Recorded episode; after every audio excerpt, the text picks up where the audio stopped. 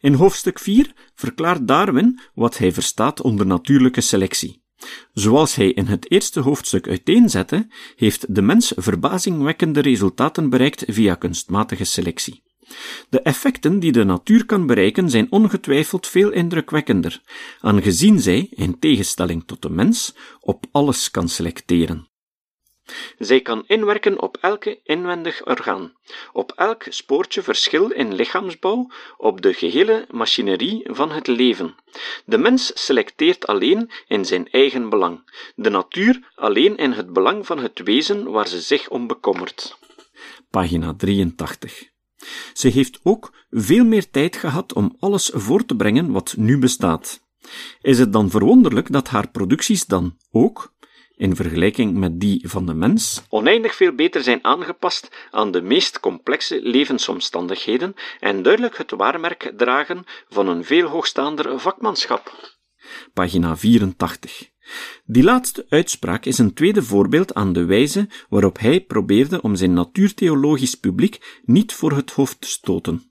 Het zijn ook dergelijke uitspraken die Asa Gray ervan overtuigden dat natuurlijke selectie niet inconsistent is met de natuurtheologie, zoals overigens de titel luidt van een van zijn teksten. Wat natuurlijke selectie precies inhoudt, drukt Darwin in een van zijn belangrijke passages uit over het ontstaan als volgt uit. Het is dan onwaarschijnlijk, gezien het feit dat er variaties zijn opgetreden die zonder twijfel nuttig zijn voor de mens, dat er af en toe andere variaties optreden in de loop van duizenden generaties, die op de een of andere wijze nuttig zijn voor ieder wezen in de grote en complexe strijd om het leven? Als deze inderdaad optreden, kunnen wij dan in twijfel trekken wanneer wij ons herinneren aan dat er veel meer individuen geboren worden dan er mogelijkerswijs in leven kunnen blijven, dat individuen die een voordeel, hoe gering ook, ten opzichte van anderen bezitten, de meeste kans hebben om te overleven en zich voor te planten? Anderzijds mogen wij er zeker van zijn dat elke verandering die maar in de geringste mate schadelijk is, rigoureus zal worden vernietigd. Dit behoud van gunstige variaties en het verwerpen van schadelijke variaties noem ik natuurlijke selectie. Pagina 80, 81. Hij legt er sterk de nadruk op dat natuurlijke selectie inwerkt op individuele organismen. Andere naturalisten meenden dat organismen vaak handelen ten nadele van zichzelf, om het voortbestaan van de groep of de soort te verzekeren, of zelfs om het voortbestaan van een andere soort mogelijk te maken. Vanuit het geloof in Gods ontwerp is een dergelijk denken begrijpelijk. God verlangt immers een efficiënte regeling van de economie van de natuur, wat vanuit natuurtheologisch oogpunt onder meer inhoudt dat organismen van de ene soort zich opofferen voor het welzijn van de andere soort. Men nam aan dat konijnen bestaan in functie van vossen, dat het gras groeit voor de koeien en dat insecten geschapen zijn als voedsel voor vogels. Sommige auteurs beweerden dat een ratelslang ratelt om de organismen waarop ze jaagt een eerlijke kans tot ontsnappen te geven. Darwin haalt dit voorbeeld aan in het zesde hoofdstuk van Over het ontstaan, dat de mogelijke problemen voor de evolutie behandelt. Als bewezen zou kunnen worden dat een bepaald deel van de structuur van ook maar één soort was gevormd voor het exclusieve welzijn van een andere soort, zou dit mijn theorie teniet doen. Want zoiets zou niet door natuurlijke selectie kunnen zijn geproduceerd. Hoewel er talrijke uitspraken van deze strekking kunnen worden gevonden in werken over natuurlijke historie, kan ik er zelfs niet één vinden die mij van enig gewicht lijkt. Het wordt aanvaard dat de ratelslang een gifstand heeft voor haar eigen verdediging en voor het doden van haar prooi, maar sommige auteurs veronderstellen dat deze slang tegelijkertijd in haar eigen nadeel is toegerust met een ratel, namelijk om haar prooi te waarschuwen dat die moet ontsnappen. Ik zou bijna net zo lief geloven dat de kat het einde van haar staart omkrult wanneer zij zich tot springen gereed maakt, ten einde de gedoemde muis te waarschuwen. Pagina 201. We kunnen dergelijke natuurtheologische verklaringen van de werking van de natuur just so stories of zo is het gebeurd verhaaltjes noemen naar het werk van Rudyard Kipling, 1902-1995. Kipling schreef verhaaltjes waarin hij bewust allerlei natuurfenomenen op een amusante, maar volstrekt onwetenschappelijke manier uitlegt. Ter illustratie citeer ik de titels van enkele van zijn Just So stories. How the Whale Got His Throat How the Camel Got His Hump How the Rhinoceros Got His Skin How the Leopard Got His Spots Interessant is dat sommige hedendaagse biologen en filosofen de verklaringen van sommige natuurverschijnselen vanuit een Darwinistisch perspectief ook just so stories noemen. Deze kritiek wordt vooral geuit aan het adres van evolutiebiologen die trachten de natuur te verklaren vanuit het zogenaamde adaptionistische programma. Dat houdt in dat men, in het spoor van Darwin, zoekt naar de functie van bijvoorbeeld een bepaald orgaan, waardoor men de adaptieve waarde ervan kan begrijpen. Zie ook infra. Critici van het adaptationistische programma beweren dat hierdoor vaak verklaringen à la Kipling, just so stories, ontstaan, of verklaringen zoals die van Dr. Pangloss in Voltaire's Candide over het feit dat de mens een neus heeft, namelijk opdat we in staat zouden zijn een bril te dragen. In essentie draait de discussie rond de kracht of het vermogen van natuurlijke selectie en bij gevolg over de aard van adaptaties. Volgens vele hedendaagse Darwinisten is het essentieel om na te denken over de levende natuur vanuit het oogpunt van natuurlijke selectie, aangezien dit het centrale mechanisme is dat vorm heeft gegeven en nog geeft aan organismen. Hiermee is niet gezegd dat alles adaptief is, wel dat complexe functionaliteit het resultaat is van selectie. De critici, waaronder paleontoloog Stephen Jay Gould en populatiegeneticus Richard Lewontin, menen dat allerlei beperkingen de werking van natuurlijke selectie afremmen, waardoor niet alles in de natuur verklaarbaar is vanuit een adaptationistisch, functionalistisch oogpunt.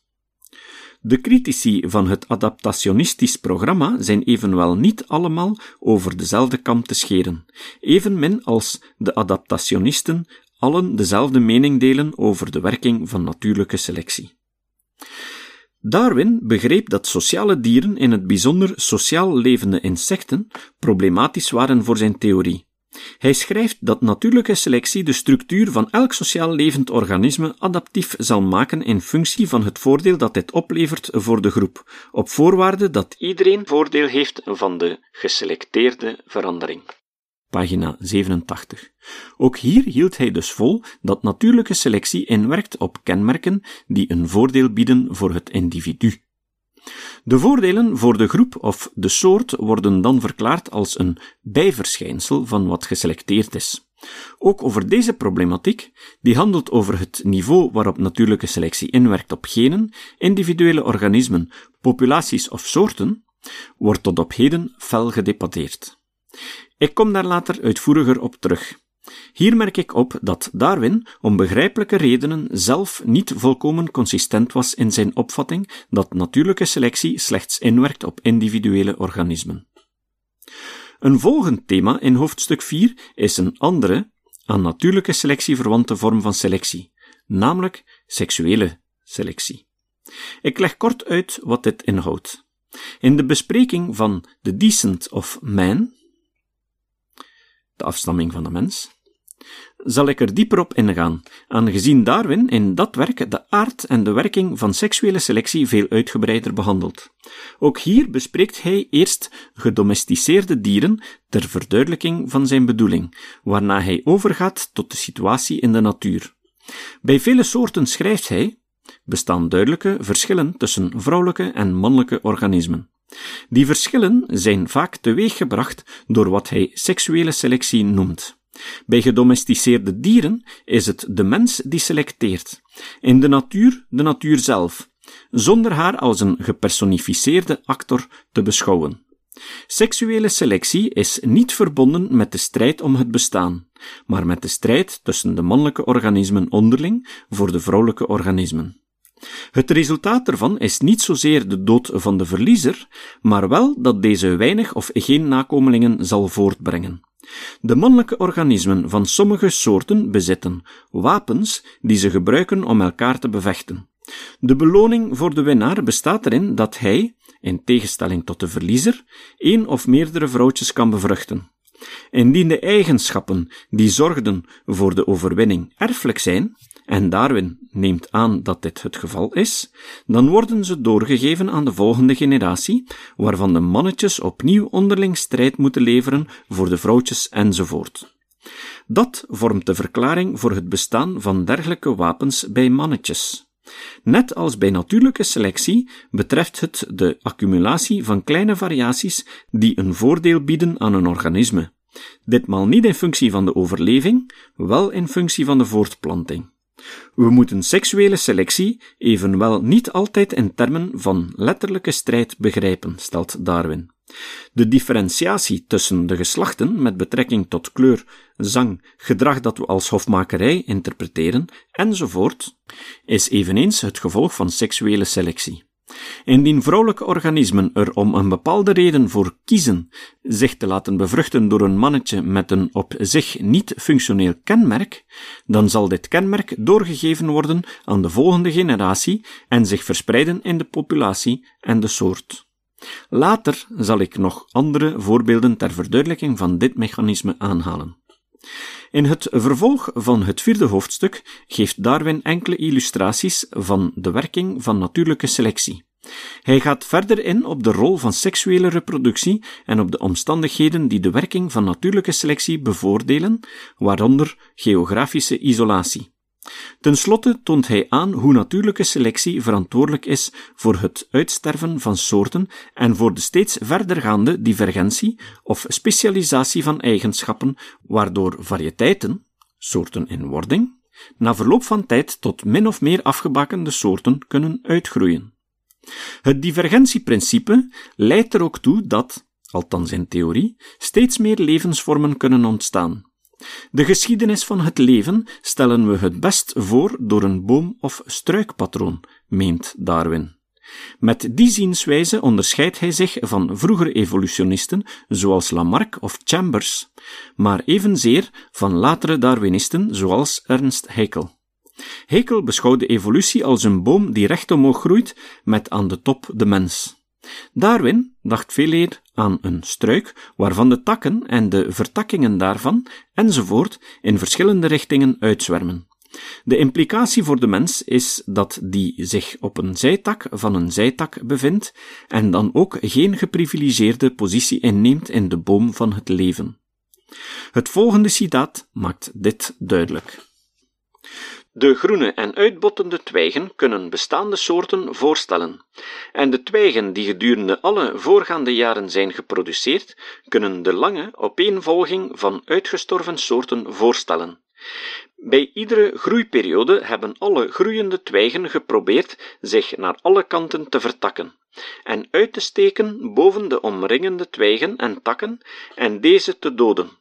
Op dezelfde manier als soorten en groepen soorten hebben geprobeerd andere soorten te overmeesteren in het grote gevecht om het leven.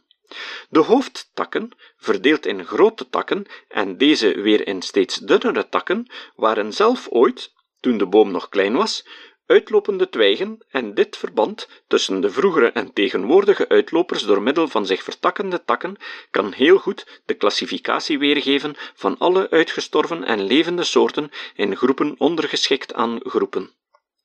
Van de vele twijgen die floreerden toen de boom nog maar een struik was, overleven er nog slechts twee of drie. Nu uitgegroeid tot grote takken die alle overige takken dragen. Zo is het ook met de soorten die in lang vervlogen geologische tijdperken hebben geleefd. Zeer weinige van hen hebben momenteel levende en gemodificeerde afstammelingen. Zoals uitlopers door zich uit te groeien nieuwe uitlopers doen ontstaan, en deze zich, als ze krachtig zijn, uitspreiden en langs alle kanten gaan uitsteken boven menige zwakkere tak. Zo, geloof ik, is het door generaties heen gegaan met de grote boom van het leven, die met zijn dode en afgebroken takken de aardkorst opvult en het oppervlak bedekt met zijn zich steeds afsplitsende mooie vertakkingen. Pagina's 129 tot 130.